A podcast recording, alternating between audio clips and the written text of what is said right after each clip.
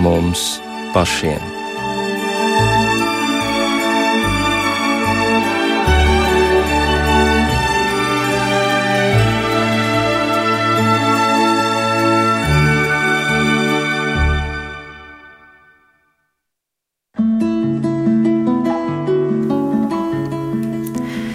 Esiet sveicināti raidījumā pāri mums pašiem, lai ir slavēts Jēzus Kristus.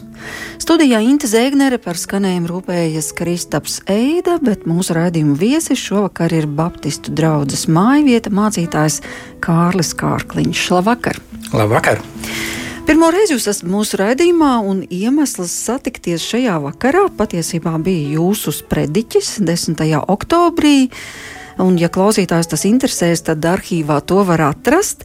Kārlis runāja par starpību starp ticēt un uzticēties Dievam, par to, ka daudzu mūsu nepareizo rīcību iemesls ir tas, ka mums ir nepareizs priekšstats par Dievu, jeb kā Kārlis sacīja, meli par Dievu. Runāsim arī par šaubām, kā tikt no tām vaļā, jo, kā sacīts Bībelē, katrs, kas lūdz, lai lūdz ticībā, nemaz nešaubīdamies, jo kas šaubās, tas ir līdzināts, līdzinās vēja dzītam un mētātam jūras vilnim. Tāds ir vīrs ar dalītu dvēseli, nepastāvīgs savos ceļos, un tad, lai viņš nedomā, ka viņš no tā kunga ko saņems. Nu, diezgan tādi skarbi vārdi. Runāsim arī par tiem. Uh, Par to visu šovakar raidījumā, bet vispirms par jūsu draugu. Kur tā atrodas, kāda ir tās vēsture, kas īsti ir mājvieta? Uh, nu jā, uh, mājvieta, kā mēs sakām, mēs svētdienās, uh, ne šomēnes, šomēnes mēs tiekamies tikai internetā, bet uh, svētdienās mēs tiekamies Latvijas ielā 37, kas ir Latvijas Baptistu Savienības nams. Uh, bet uh, mēs esam visur ja draugi esam cilvēki, un uh, kur nu katrs draugs loceklis dzīvo, tur arī mēs kā draugi esam klāt. Uh, draugs māja vieta, kā māja vieta, patiesībā ir salīdzinoši nesen, no 2017. gada. Bet uh, pirms tam draugs bija pazīstama ar nosaukumu Rīgas Baptistu semināra draugs, kas bija dibināta 1922. gadā. Tā kā mēs tieši šo svētdienu no, attālināti nosvinējām 99 gadu jubileju kopš draudzes dibināta. Mēs pārņēmām to 17. gadā, restartējot ar jaunu nosaukumu, ar kādiem jauniem uzsveriem, bet mēs gribējām parūpēties par to, ka šis mantojums, ko mēs esam saņēmuši, ka tie cilvēki, kas ir gājuši pirms mums, ka tas paliek. Un, tāpēc mēs sakām, mēs esam draugi ar 99 gadu pieredzi, kā man sieva šodien teica, večiņa, mhm. bet tajā pat laikā jauna, ar tādām jaunām idejām un, un, un, un jaunu spāru, mēs varētu tā teikt. Varētu tā sacīt, ka jūsu draudzē ļoti dažādi ir klājies. Tas pamatakmens tika ielikts vēl pirmās Latvijas brīvvalsts laikā, un tad 40. gads. Un šis teksts no padomju iekārtas puses, ka jūs piedarat vecam garam un piedarat vecai pasaulē, un ka jūs negribat atzīt, ka tagad tautai ir nākuši jauni laiki, un Tālāk teksts, kas man pārsteidza, lai atbrīvotu jūs no rūpēm, ko darīt ar šo namu, mēs pārņemsim to savām vajadzībām. Tā ir paziņojis iekšlietu komisārs.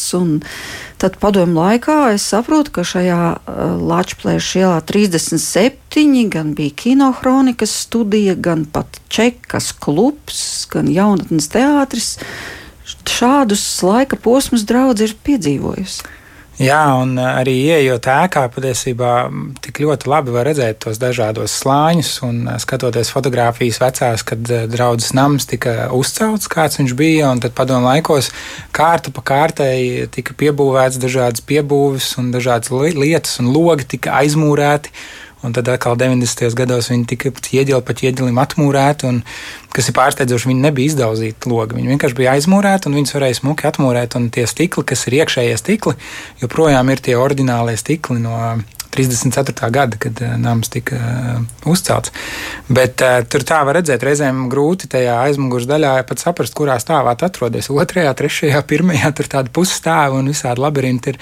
Kas ir, nu, tāda ir tā vēsture, un, un tam mēs esam gājuši cauri gan kā, kā draugi, kā kristieši, gan arī kā, kā, kā tauta, kā latvieši. Un, savā ziņā nu, tāds mums tas mantojums ir, bet uh, mēs uz to nu, baigi nefokusējamies. Tas laiks ir bijis, Un ticībai viņš ir arī daudz laba darījis, lai gan tie bija grūti, smagi laiki, bet tā ticība tika pārbaudīta. Viņa tika nodota un nonesta, un, un tur nebija tā, ka tas ir ērti vai viegli.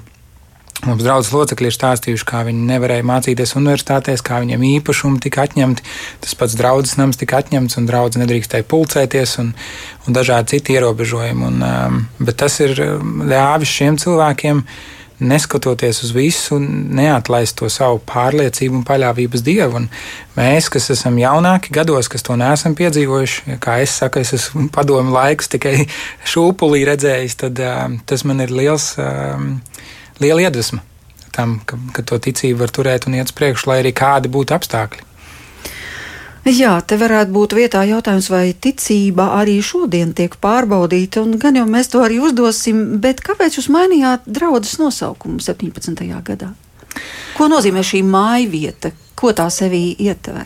Jā, māja vieta nāk. Um, Teiksim, tas pāns, kas mums uzrunāja, ir no Jāņa Evanģēlīja 1. nodaļas 14. panta, kur ir teikts, un vārds tapa miesa un mājoja mūsu vidū, un mēs skatījām viņa godību, kā viena piedzimušā tā, tā dēla godību.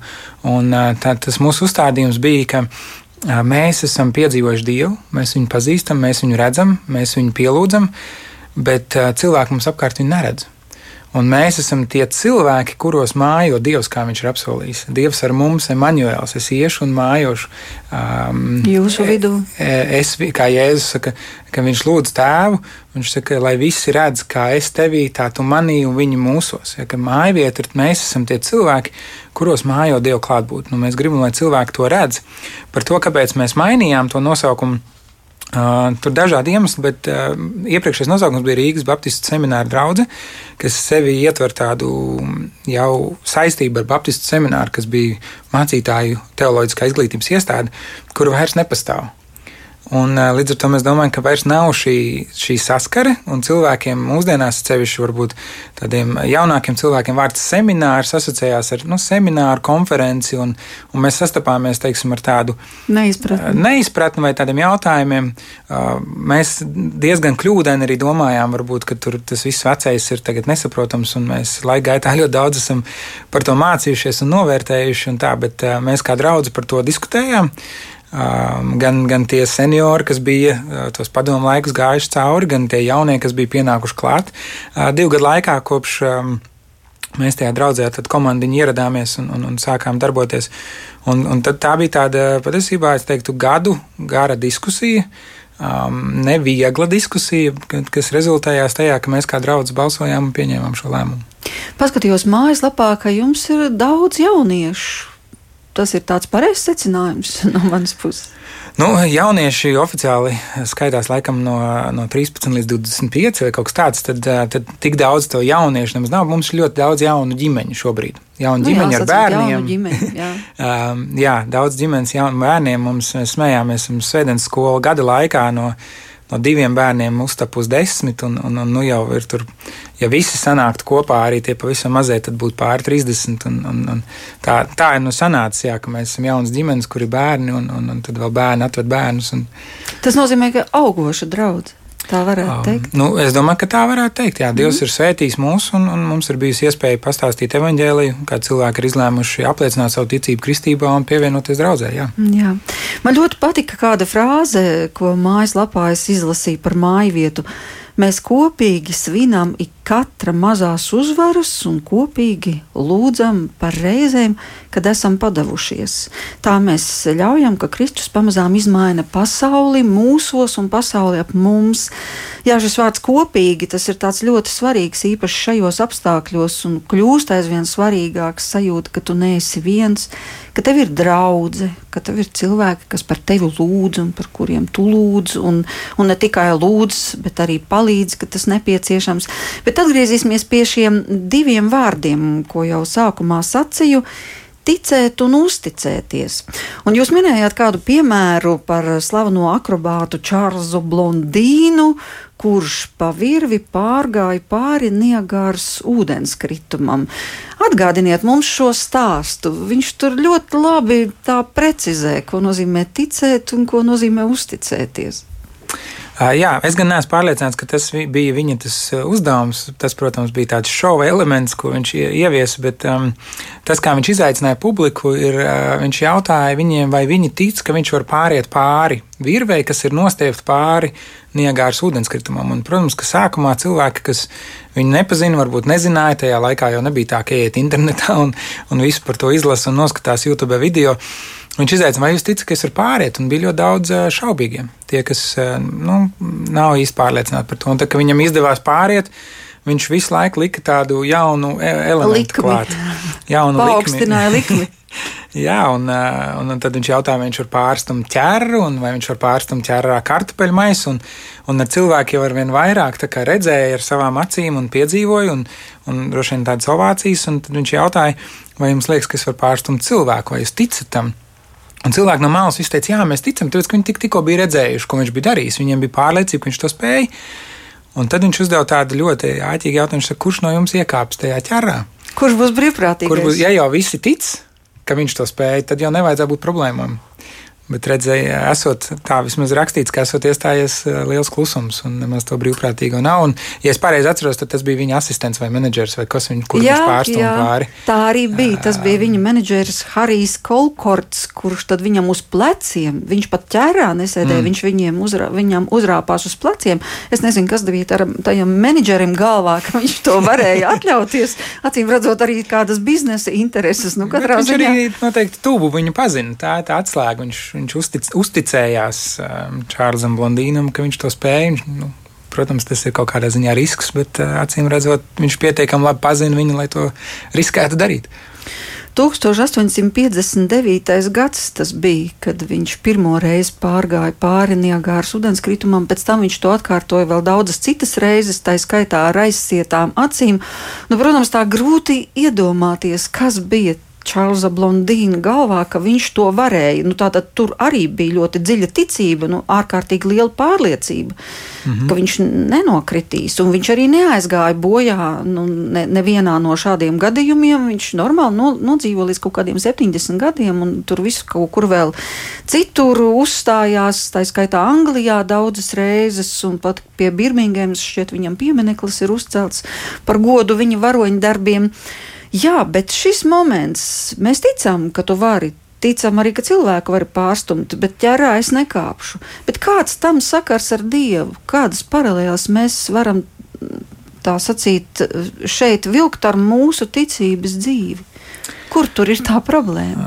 Jā, nu, man liekas, ka mēs daudz runājam par, par ticību kā tādu kognitīvu prāta prasmi vai kaut kādu iekšēju pārliecību bet um, Bībele runā par ticību kā par, par, par uh, es teiktu, darbību, izpausmi. Kaut kur viņi parādās. Un, un ticēt, uh, nu, tā kā mēs reizēm runājam par to, tici horoskopiem, vai tici Ziemassvētku vecītim, vai, vai tu tici ziņām un vēl uz kaut kam.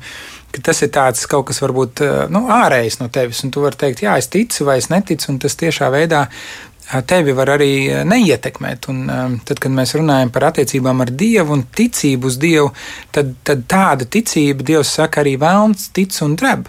Jā, viņš vēlams tic, viņš zina, ka Dievs ir. Viņš ļoti labi zina, ko Dievs dara. Viņš tic un drēb, bet tas nenozīmē, ka vēlams dara to, ko Dievs gribētu, lai, lai viņa radība dara. Tas nenozīmē, ka viņš dzīvo pēc Dieva prāta. Viņš nepaļaujas uz Dieva vadību savā dzīvē. Un, un reizēm mums cilvēkiem arī tā mēs varbūt ticam, ka kaut kas augstāks tur ir. Mēs ticam, ka ir kaut kas vairāk par šo dzīvi.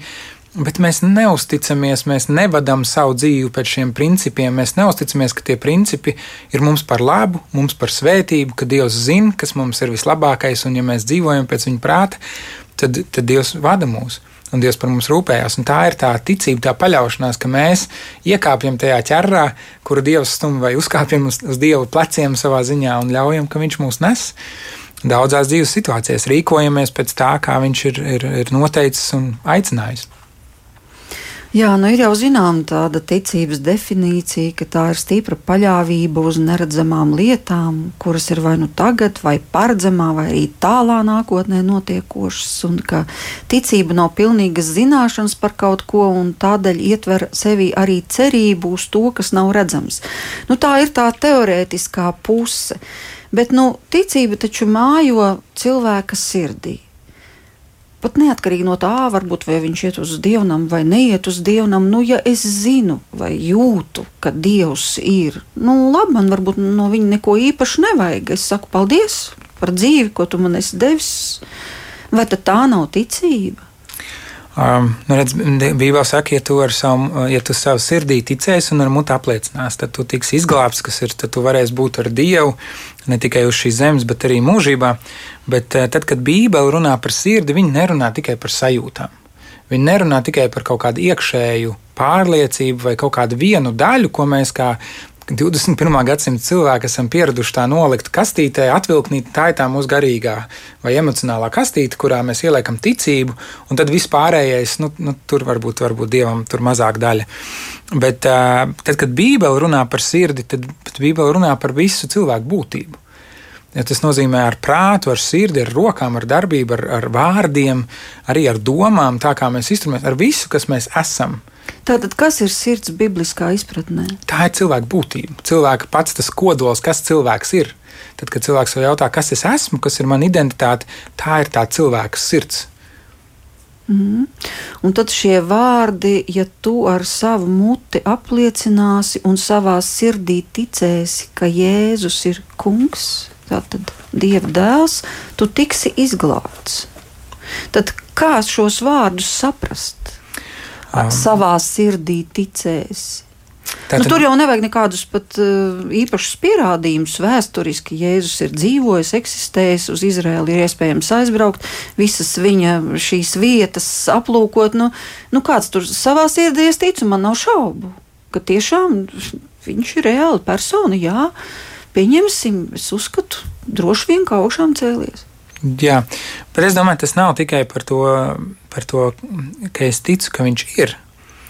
Bet es tāpēc arī par to ticību, ka tā nevis ticība kā, kā tāda zināšanas vai, vai tāda pārliecība, bet tā ir uzticēšanās, ka tā ir nodošanās, ka tā ir paļaušanās. Ka ne tikai es zinu, ka viņš ir un jā, ka tas vēsturiski tā ir bijis, un, un to, bet ka es paļaujos, ka, ka tā ir. Tā kā Jēzus Pilātam teica, viņš saka, es esmu patiesība. Pilārs saka, kas ir patiesība? Ja? Vai arī es saku, es esmu ceļš, patiesība un dzīvība. Kad, kad mēs nododamies um, Dievam, viņa aicinājumam, mēs pakārtojam savu dzīvi, mēs ieliekam savu dzīvi Dieva rokās. Mēs uh, dzīvojam pēc viņa principiem un uzticamies, ka tie principi ir patiesi un viņa dzīvē arī strādā. Mēs paklausām viņam dažādas norādījumus, mēs savu dzīvi pakārtojam pēc tām vērtībām, kuras Dievs ir noteicis. Tā nozīmē ticība. Tāda paļaušanās, uzticēšanās, nodošanās. To nevar izdarīt, esot ārpusē. To nevar izdarīt, esot no malas, vērojot. Ticība prasa iekāpt tajā ķerrā, ja mēs atgriežamies pie Čārlis Bundīna. Ja ticība prasa uzticēties un doties. Tur ne, nepietiek tikai, ka tu vēro no malas, aplaudē un saki, es ticu ļoti labi. Jā, un, un, un, bet tā prasa tā nodoties. Un, un tas ir, ja tu sirdī ticēsi, ja tu ar savu sirdi nodosies ar savu būtību, tad arī tie vārdi, kas nāks no tavas sirds, viņi apliecinās tavu ticību. Ka nebūs tikai vārdi, un, un, un tā nodošanās nebūs, vai otrā nodošanās būs, bet vārdi nav vai, un darbi. Ja, tad, tad ir jautājums, kur tad viņi tur pazūd kaut kur, kur, kur ir, kur ir sas, sas, sakari pazuduši. Ja, tajā visā. Jā, runājam par ticību, un tādā gadījumā jāvaicā arī, vai ticībai ir kāda dinamika. Tā tad tā var pieaugt, var mazināties, un no kā tas būtu atkarīgs, jūsuprāt? Nu, jūs varat par sevi teikt, ka pirms trim gadiem es ticēju mazāk, bet tagad es ticu vairāk. Um. Um, jā, jā, es droši vien tā varu teikt, bet uh, nu, tagad jau grūti domāt tādos, nu, tāpēc, ka nav laika nogriežņos. Laika nogriežņos, bet arī tādās mērauklās, jo ticība nav, kā mēs varam mērīt svaru vai augumu vai garumu, kur ir skaidra metriskā sistēma, kur mēs varam. Un, uh, to ir uh, ļoti grūti pateikt. Ja man liekas, ka arī tas, ko es teicu tajā uh, sprediķī svētdienā, 10. oktobrī, kad mēs jau visi esam neticīgi. Un tas man ļoti pārsteidza. Kas tur nu vēl nebūs? Tā es domāju, ka tagad daudzi protestē pie, pie radiouztvērējiem. Uh, jā, bet tādā ziņā, ka mēs, mēs visi. Um, uh, joprojām kaut kur kaut ko paturam sev, kur mēs nespējam pilnībā nodot dievam.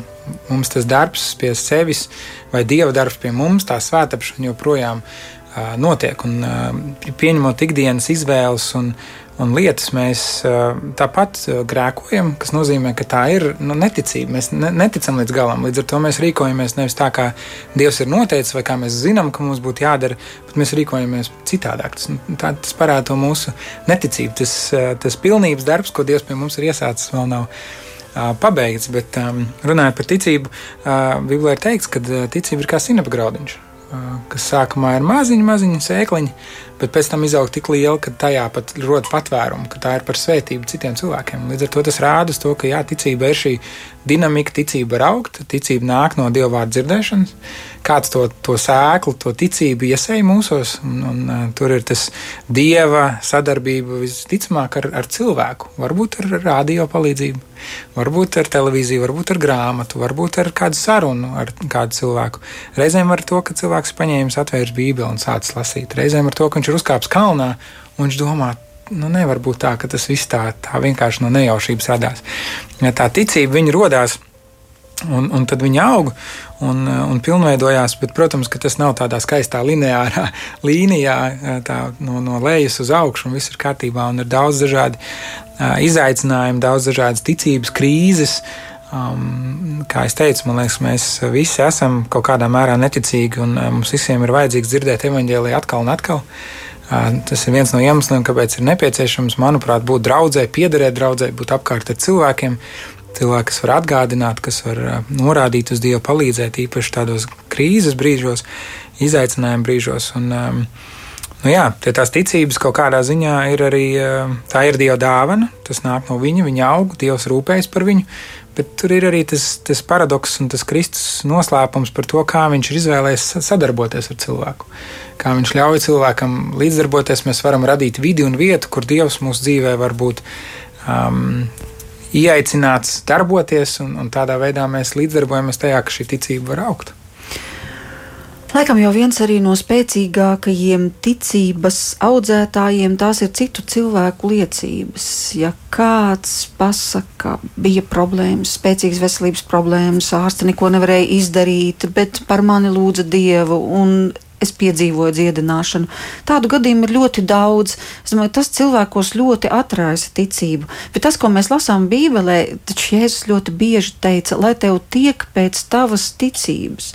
Un te rodas jautājums, kur tad lai es ņemu tādu ticību? Un tur tieši tas ir uzsvērts, ka lai tad lai arī man tiek pēc tās manas ticības, ja es kaut ko esmu nolēmis, par kaut ko lūdzu, ka es to gribu arī piedzīvot. Bet, ja tas nenotiek, tad es saprotu, mana ticība ir diemžēl kā sinepju graudiņš vai pat maza. Nu, respektīvi, kāpēc tad nenotiek? Tāda problēma ir manī.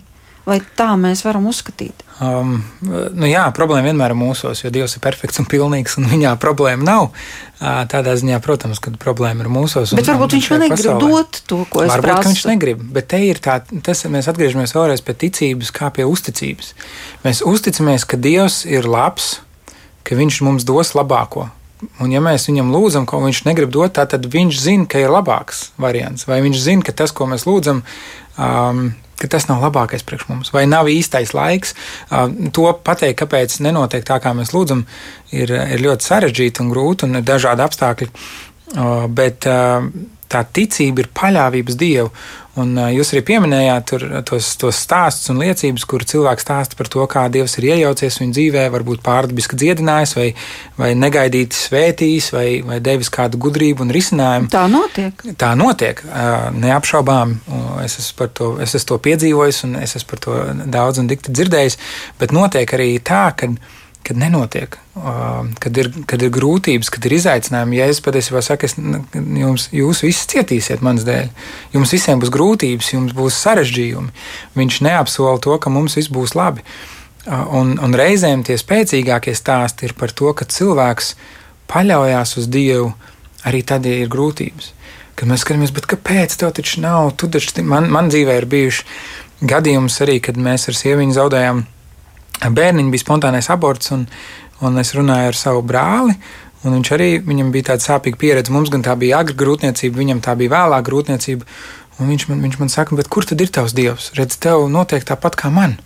Kāpēc? Bet tu taču esi mācīts, tu taču esi tuvāk dievam. Un es saku, brāl, man dievs nekad nav solījis vieglu dzīvi. Viņš nekad nav man solījis pasargāt no visām grūtībām un nepatikšanām. Bet es zinu, ka viņš man ir līdzās. Šajās skumjās mēs varam piedzīvot viņa klātbūtni. Šajās skumjās mēs neesam izmisuši, ka nu ir beigas un, un nekam vairs nav jēgas. Mēs varam paļauties. Un, un tas, tas viņu kaut kādā ziņā sadusmoja, bet es varēju redzēt, ka tas viņam arī viņu uzrunāja, jo viņš redz, ka, ka ne tikai tas, ka mums tagad viss būs labi un viss būs kārtībā, bet ka tieši ejot cauri dažādiem izaicinājumiem, ka Dieva klātbūtne tajā ir, ka mēs iepazīstam Dievu, mēs redzam Dievu, caur to mēs kļūstam stiprāki, caur to mēs kļūstam gudrāki, caur to mēs kļūstam pieredzējušāki. Mēs varam līdzjust citiem cilvēkiem, kuriem arī tā ir bijis.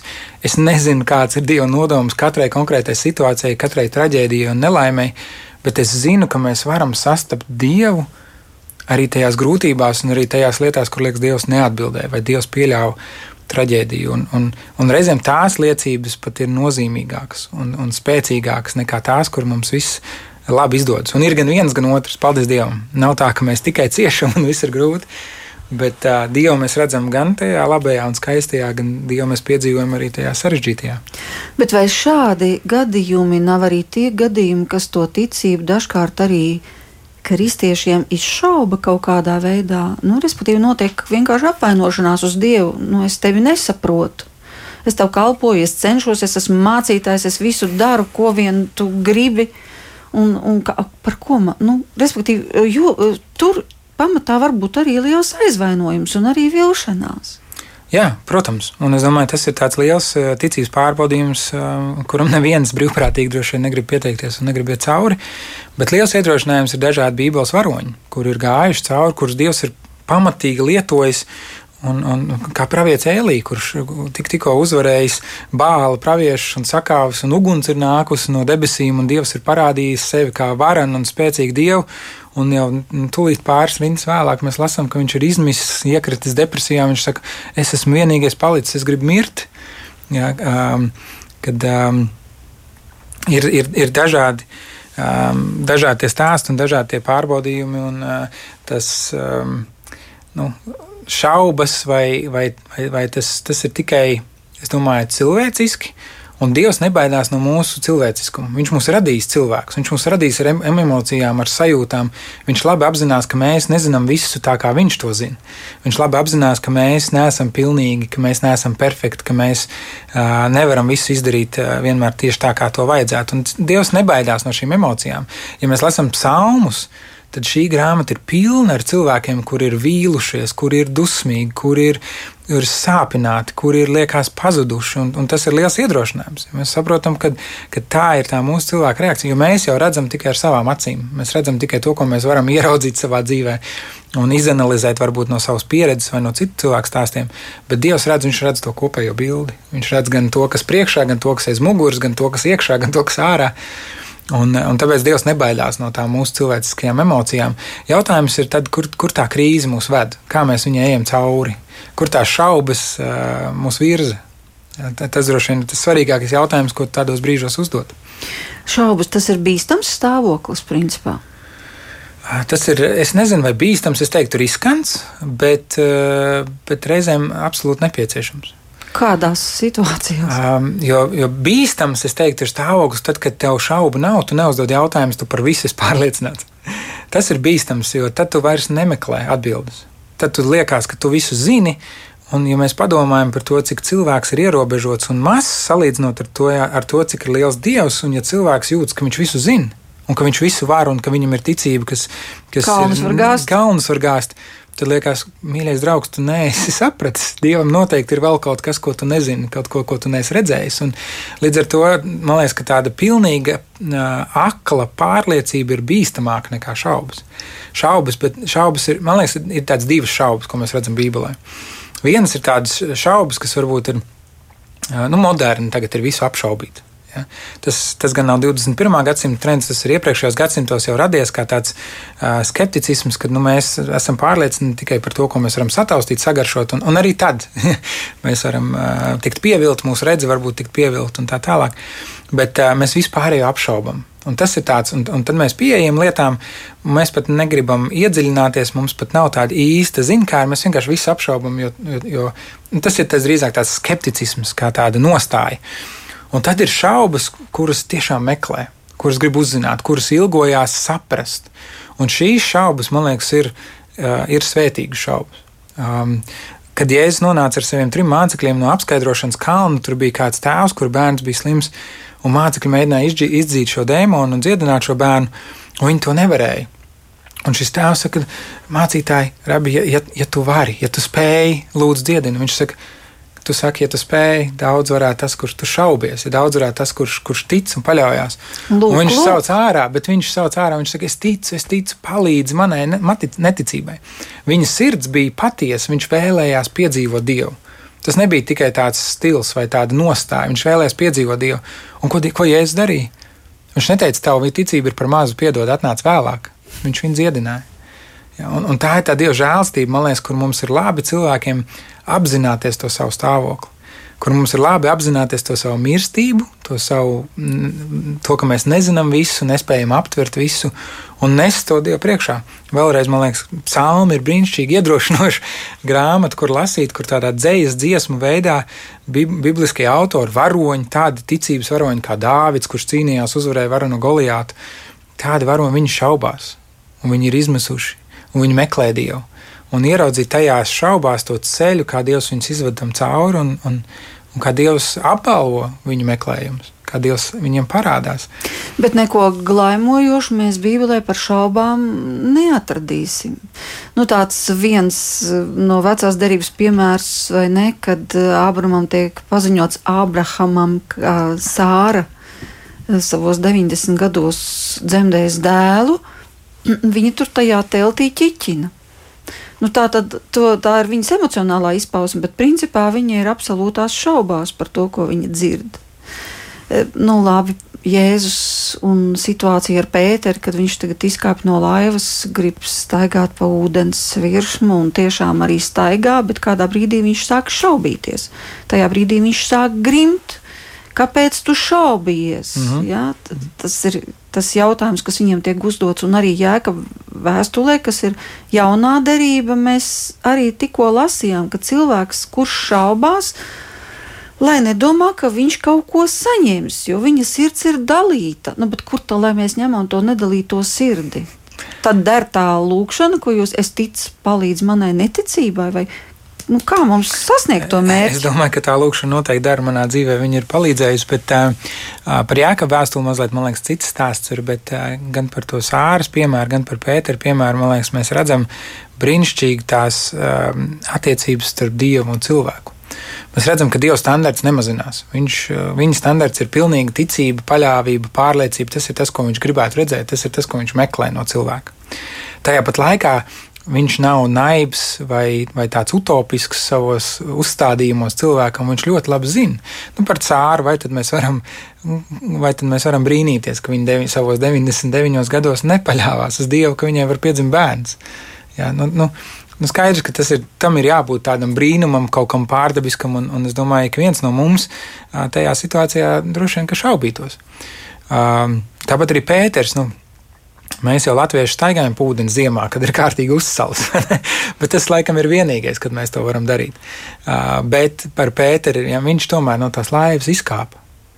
Viņš jau teica, kungs, ja tu tas esi, tas parāda to, ka viņš nebija pārliecināts, ka tas ir Dievs, kas uz viņu runā. Viņš saka, ja tu tas esi, un viņam Jēzus atbildēja, kāp. Ja tu tas esi lietas man staigāt, viņš saka, kāp, un Pēters, ko viņš, viņš izkāpa.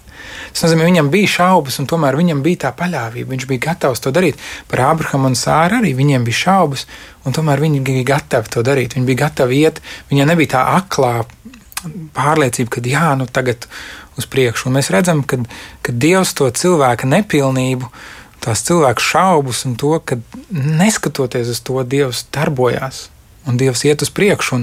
Ābrahams un Sāra ir mūsu ticības tēvi. Pēters ir klints, uz kuru Jēzus izvēlas celt savu draugu.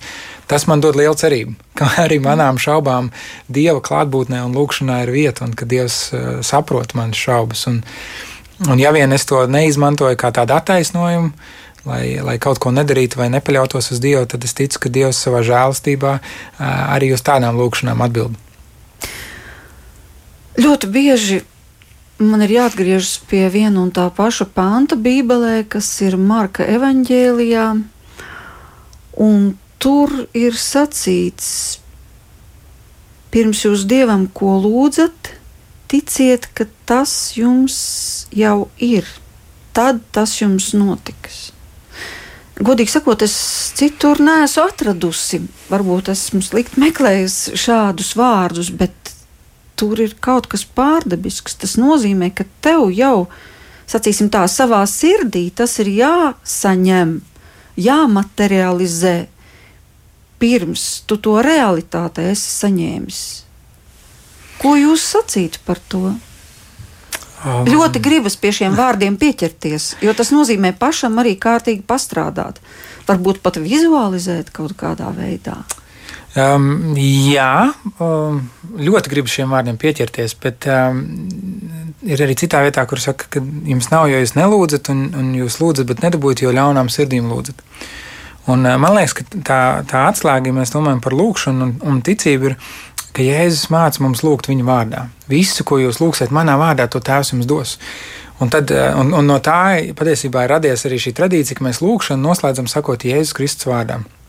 Un tomēr nevienmēr Āmen. notiek. Un tomēr nevienmēr nokrīt, tāpēc, ka nevis tāpēc, ka mēs vienkārši pasludinām Jēzus Kristus vārdā, bet ko nozīmē lūgt Jēzus vārdā? Tas nozīmē lūgt ar Jēzus autoritāti. Nevis vienkārši pielikt klāt uh, Jēzus vārdā, bet, bet lūgt tāpēc, ka Jēzus ir nomiris par mums ka mēs nākam pie Dieva nevis ar savu gudrību, ar savu ticību, ar savu spēku, ar savu pārliecību. Un tagad Dievs, tāpēc, ka man ir liela ticība, tev man ir jādod, tu esi sprukās. Jo man ir tāda ticība, Dievs, es tevi apspēlēju šajā spēlē, un tev man ir jāatbild. Bet, kad mēs nākam, saka, Dievs, es esmu pelnījis sodu par saviem grēkiem. Es esmu pelnījis būt nošķirts no tevis.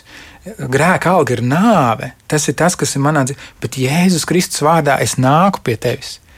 Tāpēc, ka Jēzus ir nomiris par mani, tā patiesībā ir daudz, daudz dziļāka doma, kā vienkārši formula Jēzus Kristus vārdā. Un tas, ko mēs lūdzam Jēzus vārdā, nozīmē, ka mēs lūdzam viņa autoritātē, nozīmē, ka mēs lūdzam viņa gribu. To, ko viņš mums dod, to, ko viņš gribētu mums dot, to, ko mēs lūgsim Jēzus vārdā, to, kas saskana ar to, ko Jēzus grib darīt. Tāpēc arī tad, kad Jēzus māca lūgt mācekļus, viņš vispirms māca lūgt mūsu Tēvs debesīs, svētīts lai top tavs vārds, tavs prāts, lai notiek, tava griba, lai notiek, tava valstība nāk. Ja, mēs bieži vien lūkšanu domājam par tādu instrumentu, kā tādu formulu, kad mēs, nu, ja mēs pareizi pateiksim, un ja mēs iekšēji pareizi domāsim un jutīsimies, nu, tad dievam ir jāatbild, jo mēs taču visu darām pareizi. Bet uh, man liekas, ka dieva valstība vispār ļoti maz strādā tādos virzienos, pareizi un nepareizi. Dieva formulās. Formulās. Viņi nestrādā formulās, dieva valstība strādā attiecībās. Un tāpēc arī tā ticība patiesībā ir attiecības, uzticēšanās. Laulība arī tā ir, tās ir attiecības, tā ir derība. Un tas ir attiecības. Es, es palikšu ar tevi, es tev uzticos, es, es, es, tev, es uz tevi paļaujos, ka tu mīlēsi mani, ka tu par mani rūpēsies, ka tu būsi man uzticams. Tāpat arī attiecības ar Dievu. Tā ticība ir, ir attiecības, nevis formulas. Un tad es domāju, arī tā mūsu lūkšana dzīve, viņa mainās. Tā mūsu uztvere par to, kam būtu jānotiek, tā mūsu uztvere par to, kāda ir ticības loma mūsu dzīvē arī mainās. Ka tā ir tā palīdz mums iepazīt Dievu, tā palīdz mums dzīvot saskaņā ar Viņa gribu, tā palīdz mums viņam tuvoties. Un, uh, un es domāju, ka tad arī mainās tas, kā mēs uh, lūdzam un ko mēs no Dieva sagaidām. Jā, tā tad atslēgu vārds ir attiecības. Vispār man bija kāds neparasts gadījums. Man vajadzēja nomaksāt rēķinu nu, pirms gada, diviem. Un es nezināju, kā to izdarīt. Bija jāsadz kāds rēķins, un es nezināju, kā to izdarīt. Un tas bija otrās lieldienas, un es sēdēju baznīcā. Un pēkšņi atnāca šī pārliecība, ka Dievs to nokārtos. Un tad, kad es izgāju ārā, man vienīgais jautājums bija, interesanti, kā tu to izdarīsi. Man pat nebija šaubas, ka viņš to izdarīs. Man bija zinkārība, bet kā viņš to paveiks? Un tiešām tas bija divu dienu jautājums, un viņš to paveica. Bet tas ir, nu, kā lai saka, tā nav ikdienas prakse. Tad jau mēs pa pusē dzīvot kā paradīzē, ka mums tikai vajadzētu uzsist knipi vai ne, un lietas notiek. Mm -hmm. Bet ir tādas neparastas pieredzes, acīm redzot, kuras izriet no attiecībām. Un tad, kad tu to piedzīvo, šīs attiecības ar Dievu vēl jau vairāk mainās, jo tu piedzīvo, ka tu esi saskāries ar dzīvo Dievu, ka tiešām viņš redz, ka tiešām mm. viņš dzird, ka tiešām tas viss ir pa īstam. Un tas pa īstam, tas ir kaut kas farens.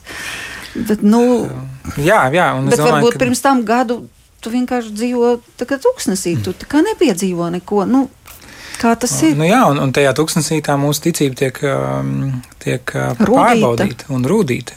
Kad uh, mēs arī mēs gribam, lai um, um, mums cilvēki uzticās ne tikai tad, kad mēs visu laiku esam klāt un, un viņiem visu laiku atgādinām, ka viss ir kārtībā, bet teiksim, par bērniem domājot. Mēs gribam, lai viņi tomēr pieaug un kļūst patstāvīgi. Ja Dievs arī uz mums skatās, ka viņš grib, lai tu uzticies man tad, tad ilgāku periodu, un, un cerēs, tie ir īsāki periodi. Bet uh, es daudz, kopš es apprecējos, es daudz mācos par to, man liekas, kā Dievs kā attiecības strādā. Ja mēs ar sievu arī mēs dzīvojam ikdienā kopā, mums ir bērni, trauki, netīras mājas, vispārējais, un tas, tas ir tas, kur kur mēs praktizējam to savu nodošanos viens otram, ka mēs rūpējamies. Un tad ir tādi brīži, kā nedēļas nogales, kādā atpūtas namā, kādi randiņi, kādi aizraujoši ceļojumi, kādi piedzīvojumi, kas atkal uzlādē un iedvesmo, un tad atkal ir tāda darba nedēļa un, un, un tās darba lietas. Un, man liekas, līdzīgi ar Dievu ir, kad, kad Viņš mums dod tos, tos nu, tādus ticības vitamīns caur tām lietām, kad mēs piedzīvojam, ka viņš pārdabiski mūsu dzīvē strādā, vai, vai, vai liekas nu, pat, pat racionāli loģiski, bet nu, tu redz, ka Dievs ir aiz tiem. Un tad ir lietas, kur, kur viņš sagaida no mums arī to iesaisti. Kāpēc Dievs tā dara, es nezinu. Kāpēc viņš tik ļoti tam cilvēkam uzticās, kāpēc viņš izvēlējās arī teiksim, Pēteru un pārējos apstuļus, kas acīm redzot nebija pilnīgi, jā, un nebija ideāli cilvēki, bet viņš viņus ir izvēlējies, viņš mūs kā kristiešus ir izvēlējies Un, un viņš mums uzticās, viņš mums dod uzdevumu un atbildību, un viņš sagaida no mums, ka mēs to iesim un darīsim. Un tad ik pa brīdim viņš pavēr to priekškaru, mēs ieraugam to viņa lielo, lielo mīlestību un lielo varenību. Un, nu, ka viss ir pa īstam. Un, ka viss ir pa īstam, un, un mēs ieraugam to, to, to gar, garu pasauli, kurā Dievs valda un, un strādā. Un mēs tā kā nedaudz uzpildamies, mēs iedvesmojamies, mēs varam nedaudz atpūsties, jo Dievs nu, tā.